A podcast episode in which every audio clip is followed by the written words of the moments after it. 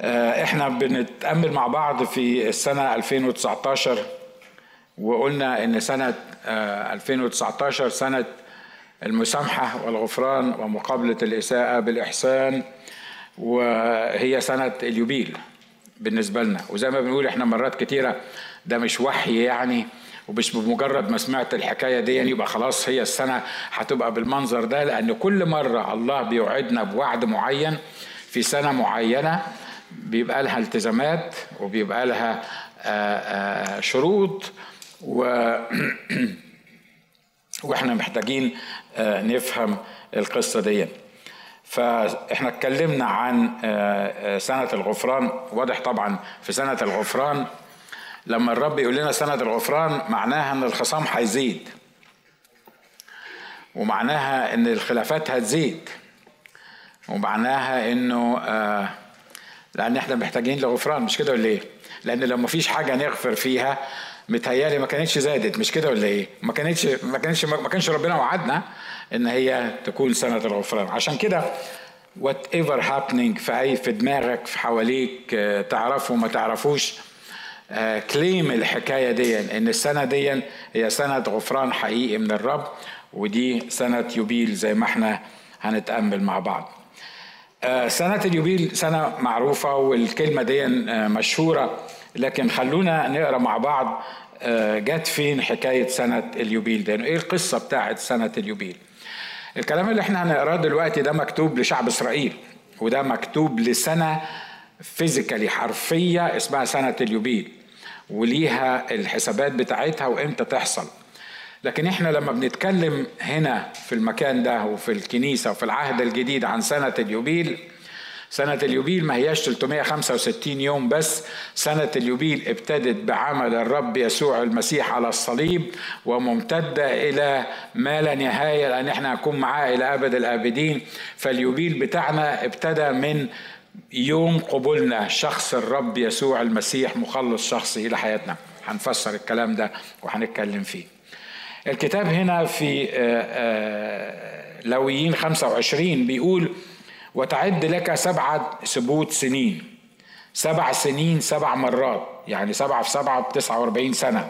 تعبرون البوق في جميع أرضكم وتقدسون السنة الخمسين وتنادون بالعتق في الأرض لجميع سكانها. تكون لكم يبيلا وترجعون كل إلى ملكه وتعودون كل إلى عشيرته.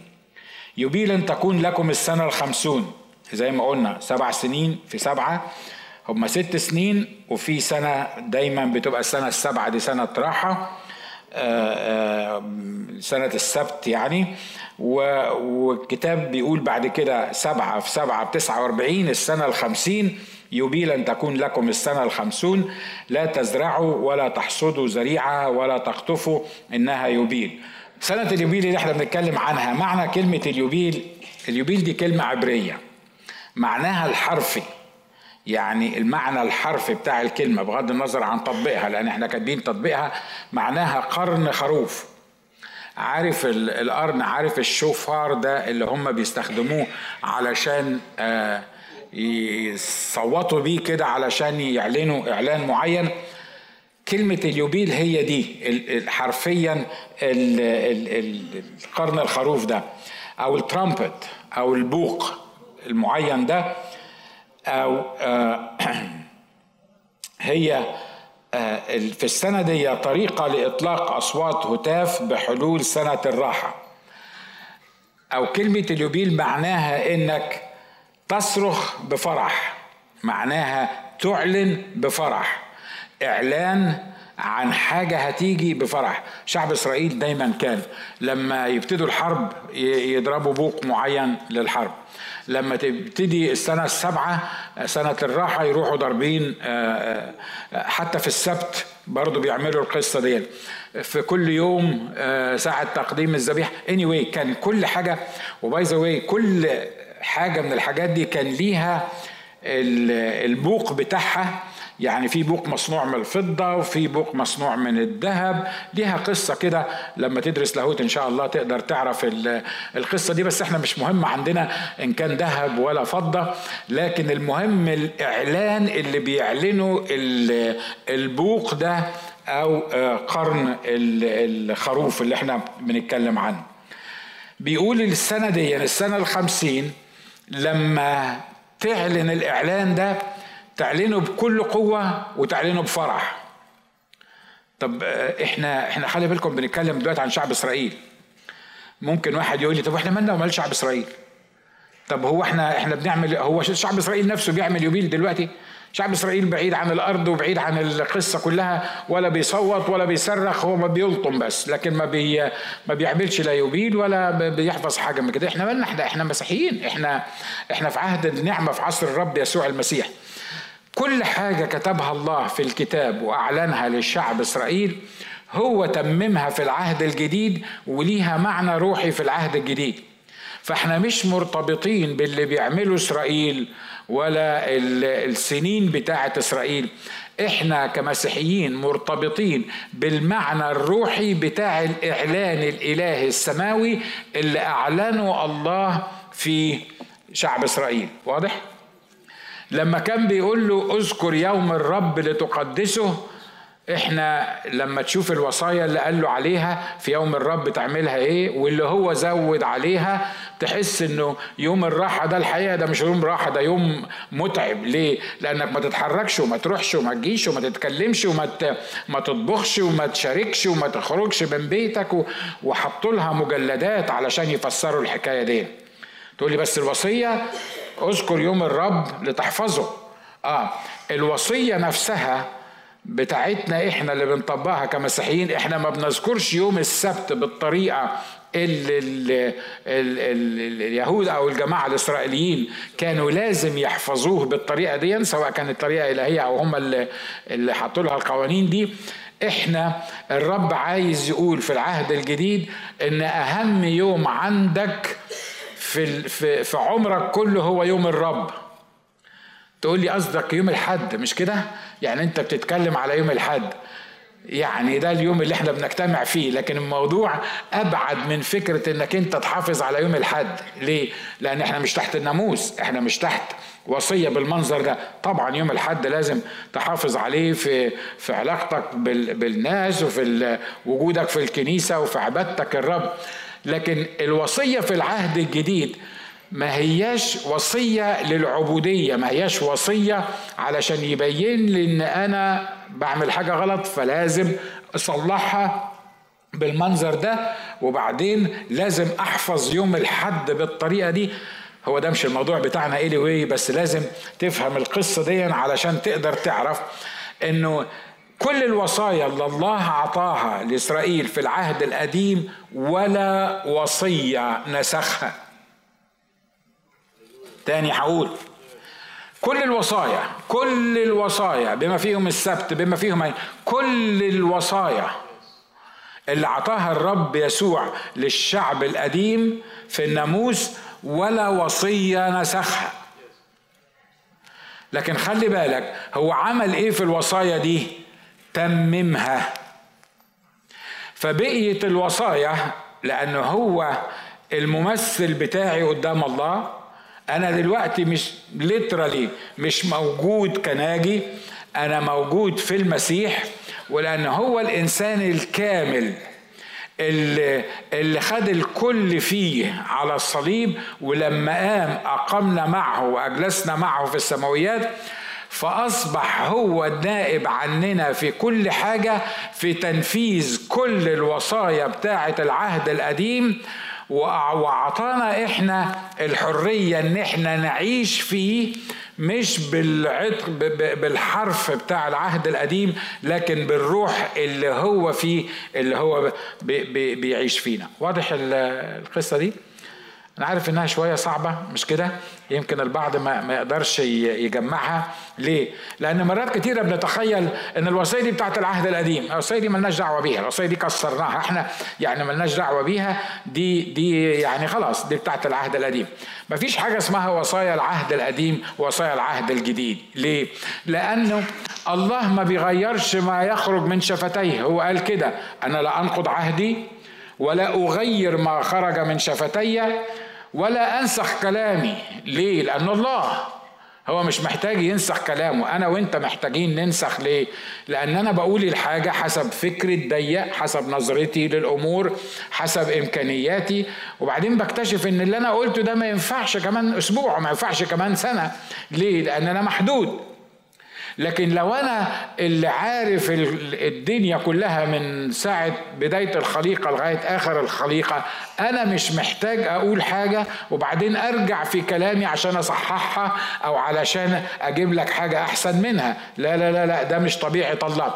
طبيعة الله إنه لما بيعلن إعلان يبقى هو الإعلان ده اللي لازم البشر يمشوا عليه. آخر مرة أقولها لك عشان لو أنت مش قادر تجمع وبعد الاجتماع ممكن تسألني أو تسأل حد من الإخوة آه، في الموضوع ده تقول لي بس أنت بتقول إن حتى وصايا العهد القديم إحنا إحنا ما المسيح ما كسرهاش أو يعني هو ما لغاش الناموس. قال الحق الحق أقول لكم. مش هتسقط نقطة واحدة من الناموس لكن هتكمل الناموس لأن الإله واضع الناموس هو اللي تمم الناموس وبقينا دلوقتي إحنا مش بنتعامل مع الحرف بتاع الناموس إحنا بنتعامل مع الإله اللي تمم الناموس عشان كده الموضوعات خدت شكل مختلف. أمين؟ واضحة الحكاية دي مش كده؟ سنة اليوبيل اللي إحنا بنتكلم عنها دي دي كانت سنة مرجعية زي ما بيقولوا في حياة شعب الله. سنة اليوبيل دي سنة مهمة جدا. ليه؟ لأنه كل الوصايا اللي هو بيقولها لهم دايما يرجعهم لسنة اليوبيل فبيقول له مثلا فمتى بعت صاحبك مبيعا أو اشتريت من يد صاحبك فلا يغبن أحدكم أخاه. حسب عدد السنين بعد اليوبيل تشتري من صاحبك وحسب سني الغلة يبيعك. على قدر كثرة السنين تكثر ثمنه وعلى قدر قلة السنين تقلل ثمنه لأن إيه؟ في عدد غلات بيبيعك. يعني إيه؟ يعني سنة اليوبيل ديا وهنشرح بعد كده حاجات كتير عن سنة اليوبيل. سنة اليوبيل دي النقطة المرجعية اللي تقيس عليها كل حاجة في حياتك. نقول تاني يعني إيه؟ النقطة المرجعية. زي ما اتفقنا النقطة المرجعية دي لو أنت عايز تعرف أنت ماشي مشيت من الحتة دي للحتة دي مشيت كم كم مايل يبقى لازم يكون لك نقطة تقيس عليها. لما أقول لك هو بيتك بيبعد عن بيتي قد إيه؟ تبقى النقطة المرجعية بيتي وأنت تشوف المسافة اللي أنت مشيتها بعيد عن بيتي تقول لي مثلا 15 مايل فالنقطة اللي انت بترجع لها في لازم تبقى نقطة ثابتة علشان تقدر تعرف مشيت قد إيه أو الزمن مشي قد إيه أو الساعة آه كام دلوقتي. في حاجة اسمها نقطة مرجعية تقيس عليها كل حاجة في حياتك. شعب إسرائيل الرب قال لهم كده لما تبيع أرضك ما تقعدش كده تقول مثلا إيه أنا عايز أبيع الأرض دي ب 3 مليون. طب فاضل كم قد إيه على سنة اليوبيل؟ لأن إحنا هنعرف إن في سنة اليوبيل لازم الأرض اللي اشتريتها ترجعها ياخدها صاحبها. ليه؟ لأن الأرض ما تتباعش الأرض ما تقدرش تستغنى عنها. هنفسر الموضوع ده بعد كده. فلما أنت بتشتريها الحقيقة أنت مش بتشتريها أنت بتليست. عارف الليس اللي إحنا بنعمله؟ يقول أنا أنا بعمل ليس ست شهور. فدي بتبقى شقتي شقتي أو بيتي اللي أنا عامل له ليس دي السيارة بتاعتي. أنا من حقي أستخدمها ومن حقي أروح بيها وأرجع.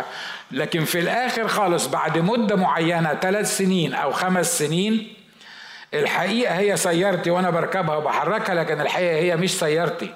ليه؟ لأن هي سيارة ال dealer. فلازم بعد الثلاث سنين دول أو الخمس سنين أرجعها مرة تاني لل dealer. ليه؟ لأن ده ال lease ده الاتفاق. النقطة بتاعت الليس بقى بتاعت أي بيع ولا شراء ولا تشتري خدام ولا آه، تشتري أرض ولا تشتري بيت ولا تعمل أي حاجة في أي حاجة لازم تحسب أنت بينك وبين سنة اليوبيل قد إيه. فسي مثلا أنت هتشتري حقل هتشتري أرض. فتيجي تشتريه فاضل مثلا أربع سنين وترجعه تاني في سنة اليوبيل. ده هيكون تمنه غير لما يكون فاضل له أربعين سنة وترجعه مرة تاني. ليه؟ لأن كل ما قعدت الأرض معاك وكل ما استفدت بيها كل ما كسبت أكتر وكل ما تمن الأرض غلي لكن لو أنا مثلا سنة اليوبيل هي سنة 2020 وأنا عارف إن أنا في سنة اليوبيل لازم أرجع الحاجة اللي أنا اشتريتها. يبقى أنا اشتريتها لمدة سنة بس فسعرها لمدة سنة مش هيكون مساوي لسعرها لمدة خمس سنين أو سعرها لمدة عشر سنين. فالنقطة المرجعية اللي شعب إسرائيل كله بيدور حواليها في البيع والشراء والزرع ورايح وجاي والخدامين وغير الخدامين هي سنة اليوبيل فبيحسب كل حاجة على سنة اليوبيل. طب طب وإحنا إحنا مالنا بقى واللي انت بتقوله ده؟ إحنا ما عندناش سنه يوبيل ما نعرفش نحسب ده. لا أنا عايز أقول لك إن النقطة المرجعية لحياتي وحياتك هي معرفتك لشخص الرب يسوع المسيح للسنة اللي عرفت فيها يسوع المسيح. يعني لما تيجي تقيس حالك دلوقتي تقيسه من أول إيه؟ يعني تحسبه من أول إيه؟ يقول لك كنت أعمى وفي لحظة معينة ابتديت أب أبصر. أنهي لحظة دي؟ أنهي لحظة دي؟ اللحظة اللي عرفت يسوع مخلص شخصي لحياتك. كانت حالتي مزربل وكان كنت يائس وكنت وكنت وكنت بس في ليلة 18 10 سنة 1971 الساعة سبعة وربع بالليل مش مهم يكون حافظ تاريخ تجديدك by the way مش ما تتعقدش يعني لو انت مش حافظ تاريخ تجديدك وتقول لي آه انت حافظه حتى بالساعة. عارف أصل كل ما كنت شرير كل ما كنت هتحفظ التاريخ بتاعك. بس أنتوا ناس طيبين فيعني ما مش لازم تحفظه يعني مش عايز أعقدك يعني. بس أنا لما لما لما بتكلم عن حياتي في نقطة فاصلة في نقطة مرجعية لحياتي. أنا كنت كذا وكذا وكذا وكذا وكذا في النقطة دي لما سلمت حياتي للمسيح الأشياء العتيقة قد مضت هوذا الكل قد صار إيه؟ قد صار جديدا. الكتاب بيقول كده. دي النقطة المرجعية اللي إحنا بنتكلم فيها. أتمنى إن السنة دي اللي إحنا عايشين فيها تبقى سنة يوبيل حقيقي بالنسبة لك. ليه؟ واتيفر كانت السنة اللي فاتت شكلها إيه؟ ولا اللي قبليها ولا اللي قبليها. لكن الرب يديك إن السنة دي أن تكون السنة المرجعية اللي في حياتك اللي تقدر تقول فيها إن أنا كنت كذا وبقيت كذا. فسنة اليوبيل هي نقطة مرجعية في حياة شعب الله. سنة اليوبيل دي بتيجي مرة أو اتنين في العمر كله. خلي بالك أنا كل حاجة بقولها لك بقولها لك من العهد القديم ده ومطبقها على حياتنا. سنة اليوبيل ده وخصوصا في الأيام اللي إحنا بنعيش فيها أيام متوشالح كانت بتيجي بتاع آه، آه، عشرتاشر مرة. ليه؟ لأن الراجل عاش 900 سنة. فكل خمسين سنة عنده سنة يوبيل. فيعني لكن في الأيام اللي إحنا عايشين فيها متهيألي ما حدش فينا بيعيش أكتر من 100 سنة يعني إلا إذا كان يعني آه معمر يعني. فسنة اليوبيل بالكتير خالص هتيجي في حياتك مرة أو اتنين. طب نطبق الكلام ده. انت عايز تقول إيه في الموضوع؟ عايز أقول لك إن مرات كتيرة الرب بيخبط على قلبك وبيقول لك ارجع سواء ارجع كخاطي أو ارجع كمؤمن وانت ناسي إن ممكن دي تكون آخر فرصة ليك. جيت كم مرة الكنيسة بتاعت تسعين ألف مرة. كم مرة سمعت من على المنبر ده سواء مني أو من الإخوة اللي بيخدموا أو الأسوس وبيتكلموا إن ممكن تكون ليك دي آخر فرصة؟ يقول لك يا عم ما قالوا لنا دي آخر فرصة وما ما أنا لسه موجود. هو الأسيس قال إن 100 مرة قال إن آخر فرصة وأنا لسه موجود. عايز أقول لك إن سنة اليوبيل دي ممكن تيجي مرة واحدة في حياتك أو مرتين. والله لما يتكلم معاك ويقدم لك حاجة معينة. خدها دلوقتي لأنك مش ضامن حياتك بعد خمس دقايق. لما الرب يقول لك سواء أنت في الكنيسة دلوقتي أو بتسمعني على التلفزيون أو بتسمعني في أي حتة لما الرب يقول لك أنت مش ضامن حياتك وممكن بعد ثواني وأنت في الكنيسة تنتهي حياتك ما تاخدهاش على إن الراجل الفقري اللي واقف بيتكلم ده بيتمنى لي إن أنا أموت. ده أنا لسه شباب ده أنا لسه صغير. لا الموضوع مش كده. ليه؟ لأن كل مرة الله بيكلمك فيها بيقدم لك مش بس مجرد خلاص ده بيقدم لك سنة يوبيل سنة تحرير سنة سنة إطلاق سنة تغير حياتك من كل ناحية. فعشان كده خلي بالك إن سنة اليوبيل دي ممكن تيجي مرة أو اتنين في حياتك بالكتير. فعشان كده الكتاب قال اليوم إن سمعتم صوته فلا تقسوا قلوبكم. أنا بستعجب على فرعون بتاع مصر.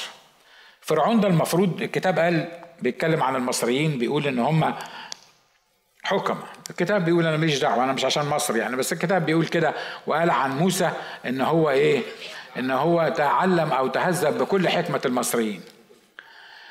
طب الحكيم ده النبيه اللي عنده مخ لما تجيله فرصة وفرصة عمر مش مش يخت يعني يقتنصها مش كده ولا إيه؟ الرب ضرب مصر بالضفادع. بيقول لك الضفادع كانت طالعة على السرير وكانت داخلة في المعجن. الكتاب قال كده في المعاجن بتاعت الستات. عارف وانت بتعجني العجين كده في العجانة؟ مش في الخلاط الظريف اللي انت بتستعمليه ده. زمان كانوا بيعجنوا بإيديهم كده في البتاع. تبص تلاقي الضفادع عمالة تنط لك في العجين. تشيل الضفدعة دي تلاقي 10 راح ناطين في العجين. حاجة مزربل مش كده ولا إيه؟ وحتى الضفادع على على سرير فرعون نفسه وعلى الناس اللي بيشتغلوا عند فرعون. بعدين صرخ وقال يا موسى صلي علشان ربنا يرفع الضفادع فسألوا موسى سأل سؤال عايزني أصلي إمتى؟ خليك مكان فرعون أنت معذب والضفادع وبعدين موسى اللي هيرفع عنك الضفادع بيسألك أصلي إمتى؟ تقول له إيه؟ هسه مش كده ولا إيه؟ دلوقت على طول ليه؟ لأن الضفادع عمالة تتنطط في, في المعجم بتاعي، هو ده سؤال يعني المفروض فرعون يرد على موسى ما هو فرعون بقى نبيه بتاع كل حكمة المصريين، فالمفروض يسأل موسى فرعون يقول له أنت مش واخد بالك إن الضفادع دي يعني يعني هو ده سؤال برضه تسأله أنت حكيم يا موسى؟ ده سؤال تسأله دلوقتي تشيل الضفادع ديت. عارفين فرعون قال له إيه؟ قال له بكرة غدا روح اقراها الحكاية دي وهتشوفها موجودة في الكتاب. يعني نرفع الضفادع إمتى؟ غدا. طب وإيه اللي يخليك بالضفادع من دلوقتي لغدا؟ ما أنت قدامك واحد بيرفع إيده بيقول للرب شيل الذباب بيتشال شيل الظلام بيتشال شيل البرد بيتشال immediately. الله طب طب أنت بيسألك عايز تشيل الضفادع. طبعا أنت وأنت قاعد دلوقتي بيقول لك أوه ده طلعوا المصريين لا نبهة ولا حكمة ولا حاجة خالص. سيبك من المصريين السؤال ليك أنت. أنت عايز تسلم حياتك للمسيح ولا لا؟ أنت تحب تسلم حياتك للمسيح إمتى؟ على فكرة نفس الطريقة الغبية اللي عملها فرعون إحنا بنرد بيها. عايز تسلم حياتك للمسيح عايز تقبل يسوع مخلص شخص لحياتك عايز تتحرر من المخدرات عايز مش عارف مين. إمتى يحصل الكلام ده؟ بكرة. بكرة. ما العمر طويل ما إحنا عايشين. انت انت انت مأزمها ليه؟ بكرة. ده اسمه إيه ده؟ ده اسمه غباء روحي. إلى هذا الظهر أعمى أذهان غير المؤمنين. الأذهان اللي اتكلمنا عليها أعمى أذهان غير المؤمنين. فسنة اليوبيل دي بتيجي مرة أو اتنين يمكن تكون آخر مرة. على فكرة أنا مش من الخدام بتوع البؤس اللي يفضل يقول لك هتطلع من بره عربية هتخبطك ولازم تسلم حياتك للمسيح دلوقتي لأن مش عارف إن شاء الله ما فيش عربية تخبطك لكن خبطتك ما خبطتكش. ممكن دي تبقى آخر فرصة بالنسبة لك. ويسوع واقف بيخبط على قلبك وبيقول لك أنت خاطي وهالك ورايح جهنم ومش ضامن حياتك ولا عشر ثواني وأنا بقدم لك فرصة للخلاص. الخلاص المجاني اللي مش هتدفع فيه حاجة لأن دفعت ثمنه على الصليب الآن.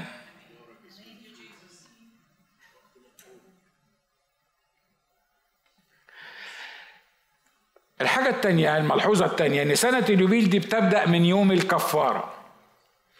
بيقول ثم تعبر بوق الهتاف في الشهر السابع في عاشر الشهر في يوم الكفارة. تعبرون البوق في جميع أرضكم. البوق ده بتاع إعلان السنة بتاعت اليوبيل ديا ده في يوم الكفارة. تقول لي هو يعني يعني إشمعنى يوم الكفارة؟ أنتوا عارفين كلكم يوم الكفارة ده اللي بيقدم فيه ذبيحة عن الشعب كلها.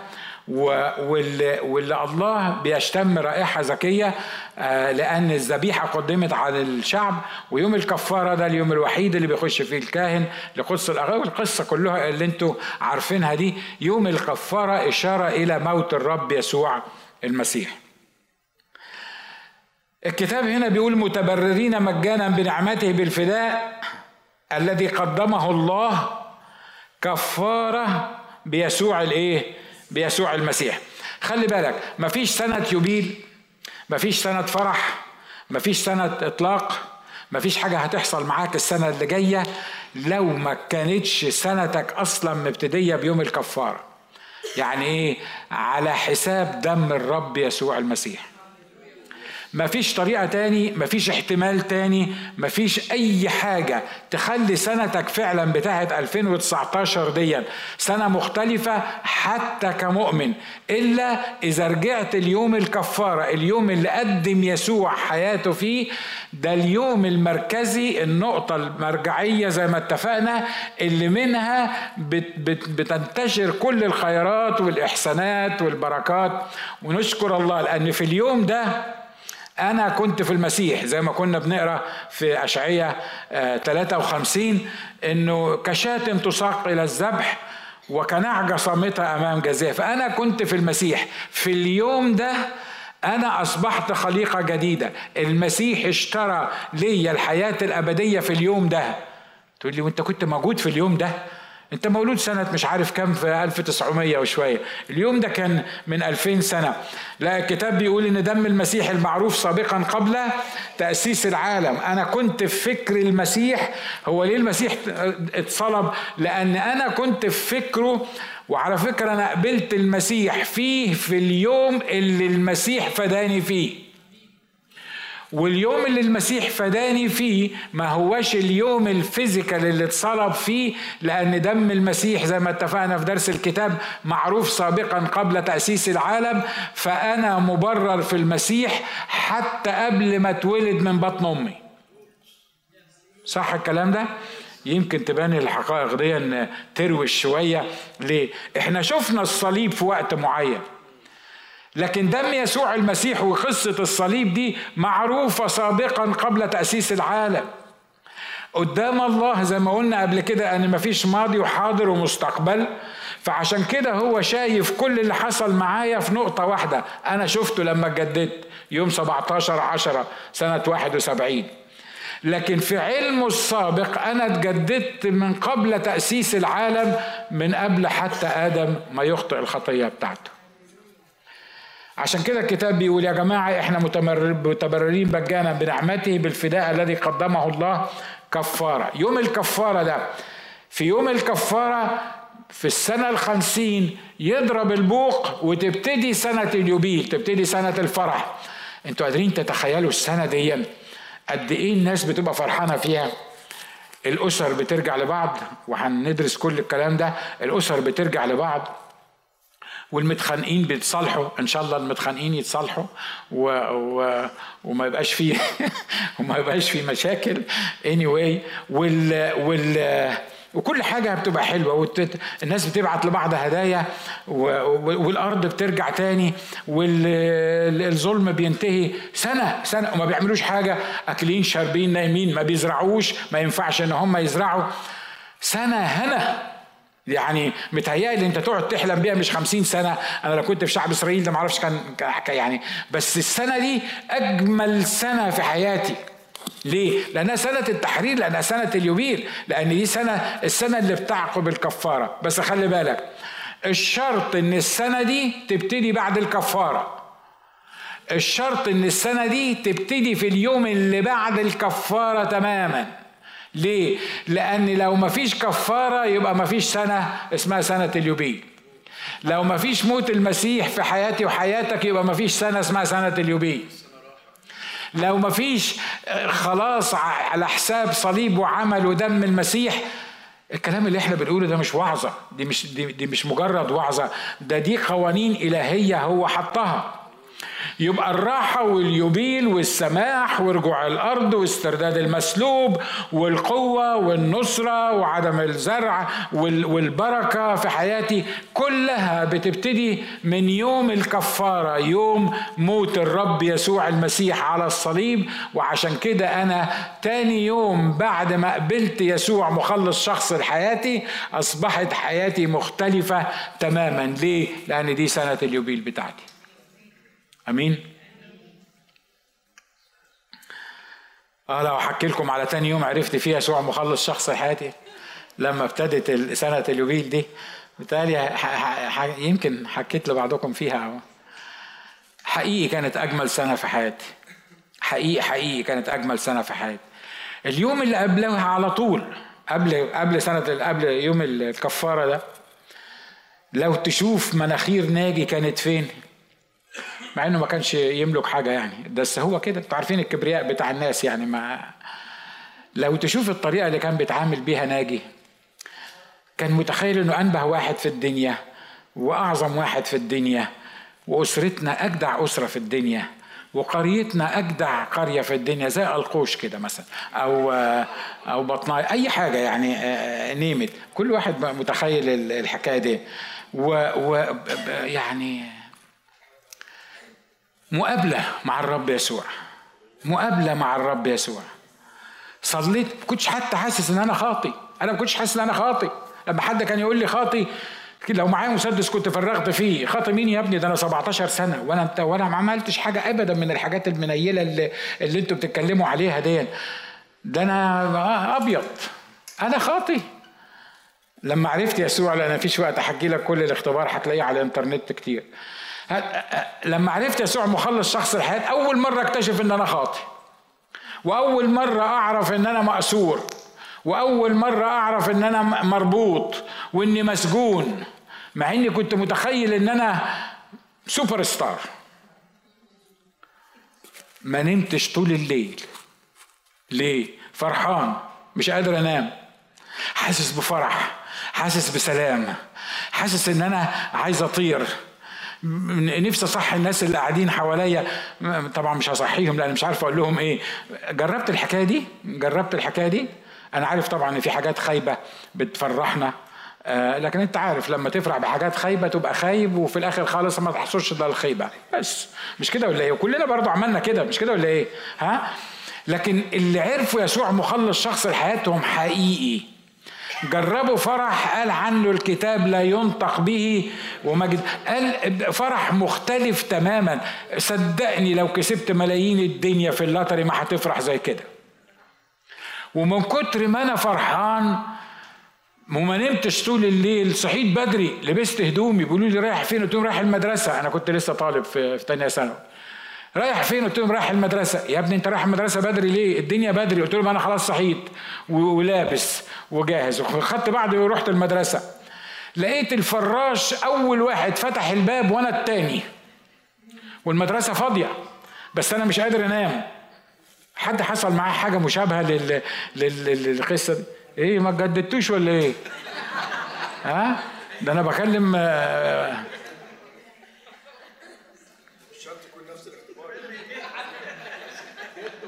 لا أنا مش بقول نفس الاختبار بس أنا بتكلم على نفس الفرح. آه لأن ما أعتقدش إن كلكم جددتوا ورحتوا مدرسة تاني يوم مش كده ولا إيه؟ آه. شوف حتى الكلام عن التجديد بيفرح الناس مش كده؟ الكلام عن يوم الليبيل ده بيخليك تفرح.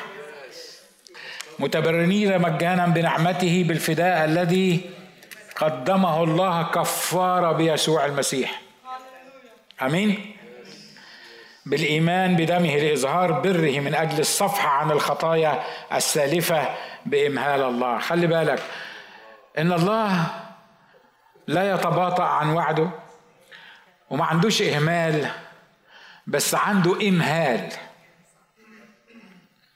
ما عندوش إهمال بس عنده إمهال. إمهال يعني إيه؟ يعني فرصة تانية. يعني يستنى شوية. يعني يتراءف لا يتباطأ الرب عن وعده كما يحسب قوم التباطؤ. لكن لأنه لا يشاء أن يهلك أحد فهو مستني لغاية دلوقتي. سنة اليوبيل وهخلص عند السلايد ده لأن في خمسة مرتبطين بالسلايد ده فهنخلص عند السلايد ده وبعدين نبتدي فيه المرة الجاية. سنة اليوبيل هي سنة الحرية والعتق للشعب. بيقول وتقدسون السنة الخمسين وتنادون بالعتق في الأرض لجميع سكانها. تكون لكم يبيلا وترجعون كل إلى ملكه وتعودون كل إلى عشيرته. لما قعدت تدرس في كلمة العتق دي يعني العتق دي بتاعت واحد مأسور وخد إفراج. أو واحد مستعبد مستعبد ليترالي وخد حرية. وزي ما قلت مش هتكلم في الموضوع ده بالتفصيل لكن شوف لو معرفتش يسوع مخلص شخص لحياتك اوعى تضحك على نفسك وتفكر نفسك انك حر. لو معرفتش يسوع مخلص شخصي لحياتك انت عبد. انت اسير. الجماعه المسيحيين دول الجماعه بتوع الكنايس دول بيقولوا كلام كبير كده أنا عبد. طب ده أنا بفلوسي ممكن أشتري 30 عبد. صدقني حتى لو اشتريت 50 عبد. إحنا مش بنتكلم على العبيد دول. على فكرة في عبيد أحرار لأنهم عرفوا يسوع مخلص شخص لحياتهم. عبيد فعلا عبيد متشريين بفلوس أحرار لأنهم عرفوا يسوع مخلص شخص لحياتهم. وفي أحرار أسياد عندهم عبيد وهم مستعبدين لأن ما عرفوش يسوع مخلص شخص لحياتهم. فعشان كده أول حاجة بيعملها الرب في سنة اليوبيل ديا سنة العتق. سنة بيعتقنا فيها. عارف لما حد يغيظك كده بالمصري التعبير ده مصري. حد لما يغيظك كده ويقرفك تقول له يا عم اعتقني بقى. يا عم اعتقني يعني يطلع من دماغي يعني نيمت معرفش يعني بتقولوها بالعراقي إيه يعني. آه آه مثلا حاجات اللي هي انت قلتوها دي كل واحد يقول للتاني حاجة. Anyway يعني يعني عارف يا عم اعتقني يا عم يا عم يا عم. شوف في حاجات كتيرة كتيرة كتيرة كتيرة الله بيعملها معاك في سنة اليوبيل. لكن أهم حاجة أهم حاجة يعملها معاك إنه يعتقك. ويعتقك أو يعتقك من المولى القاصد اللي اسمه إبليس. الكتاب بيقول أنتم عبيد للذين تطيعونه. لما قالوا له لنا إبراهيم أبا قال لهم لا لا لا لو كان أبوكم صحيح إبراهيم كنتوا عملتوا أعمال إبراهيم لكن أنتوا من أب وهو إبليس. لو ما عرفتش يسوع مخلص شخص لحياتك أنت عبد لأن كل واحد عبد أنتم عبيد للذين تطيعونه. لو كنت بتطيع إبليس فأنت عبد لإبليس. ما فيهاش ما فيهاش تزويق ما فيهاش حاجة تاني. هو الكتاب قال كده لما يقول أنت عبد. كم واحد شفته وهو سكران ماشي بيتغنى بالحرية. وبيقول لك أنا حر مش كده؟ كم واحد شفته مستعبد لأمور معينة ولما تكلمه يقول لك أنا حر أعمل اللي أنا عايزه. أنا حر أعمل اللي أنا عايزه من أول السيجارة لغاية أم كلثوم. أي حاجة. يعني عارف يعني ل... ل...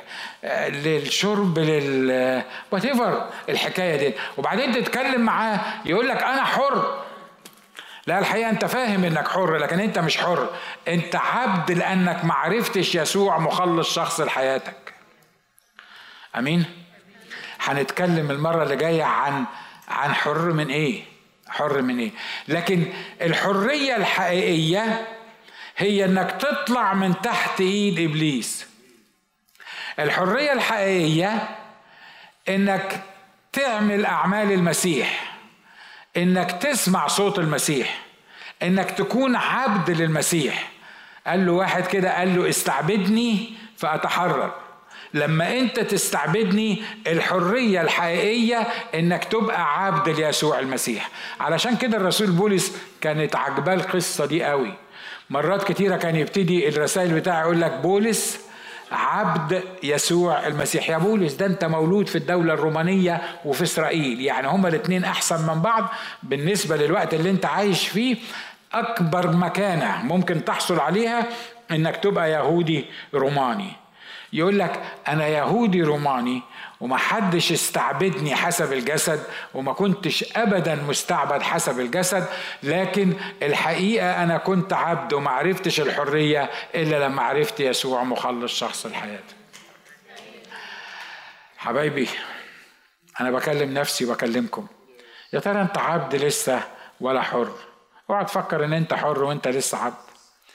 ببساطة لو ما عرفتش يسوع مخلص شخص لحياتك انت عبد. انت عبد. انت عبد لإبليس. قول له النهارده أنا عايز أتحرر من العبوديه دي تعال نصلي مع بعض وخلي دي صلاتنا. أنا عايز أتحرر. أنا عايز أتحرر. أنا كنت فاكر بس إنها مجرد شوية مشاكل بتحصل في حياتي ولا ولا حاجات بتضايقني. لكن أنا اكتشفت إن أنا مستعبد. أنا مستعبد لأمور كتيرة مش قادر أتخلص منها. مش مش عارف أغيرها. مش عارف أعمل حاجة تاني مش عارف أعمل حاجة مختلفة. أنا بعمل الحاجة اللي أنا مش عايزها. أنا في قوة خفية مسيطرة عليا بتخليني أعمل الحاجة اللي أنا مش عايزها. كم مرة حاولت أتخلص من أمور كتيرة ومش قادر. كنت فاكر إني حر. كنت فاكر إن أي حاجة بعملها لأني حر أعمل اللي أنا عايزه. لكن أنا بصلي النهارده إن دي تكون اليوم اللي يبتدي فيه سنة اليوبيل بالنسبة لي. اليوم اللي على أساس الكفارة بتاعت شخص الرب يسوع المسيح.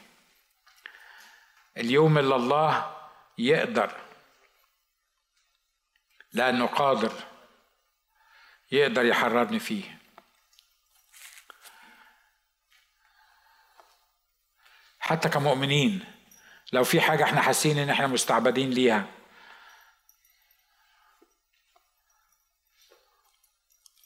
لو حاسس انك عايز حرية حقيقية النهاردة لو حاسس انك عايز تسلم حياتك للمسيح النهارده أو سلمت حياتك للمسيح وأنت مستعبد بشكل أو بآخر.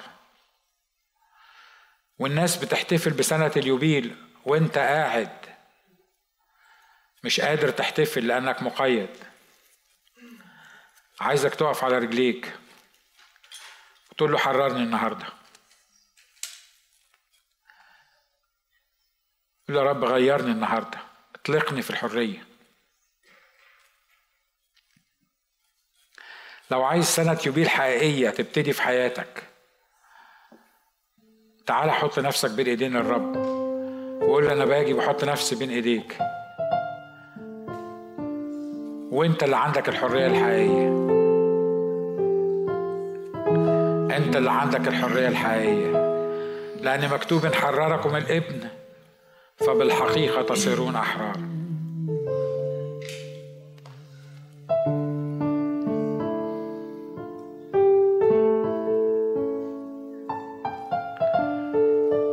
كنت حاسس إن في حياتك أي قيد مش قادر تخلص منه. مش عيب إنك تقف قدام الرب أنت مش واقف قدام الناس. أنت واقف قدام الرب. قول أنا محتاج التحرير ده أنا محتاج الغفران ده.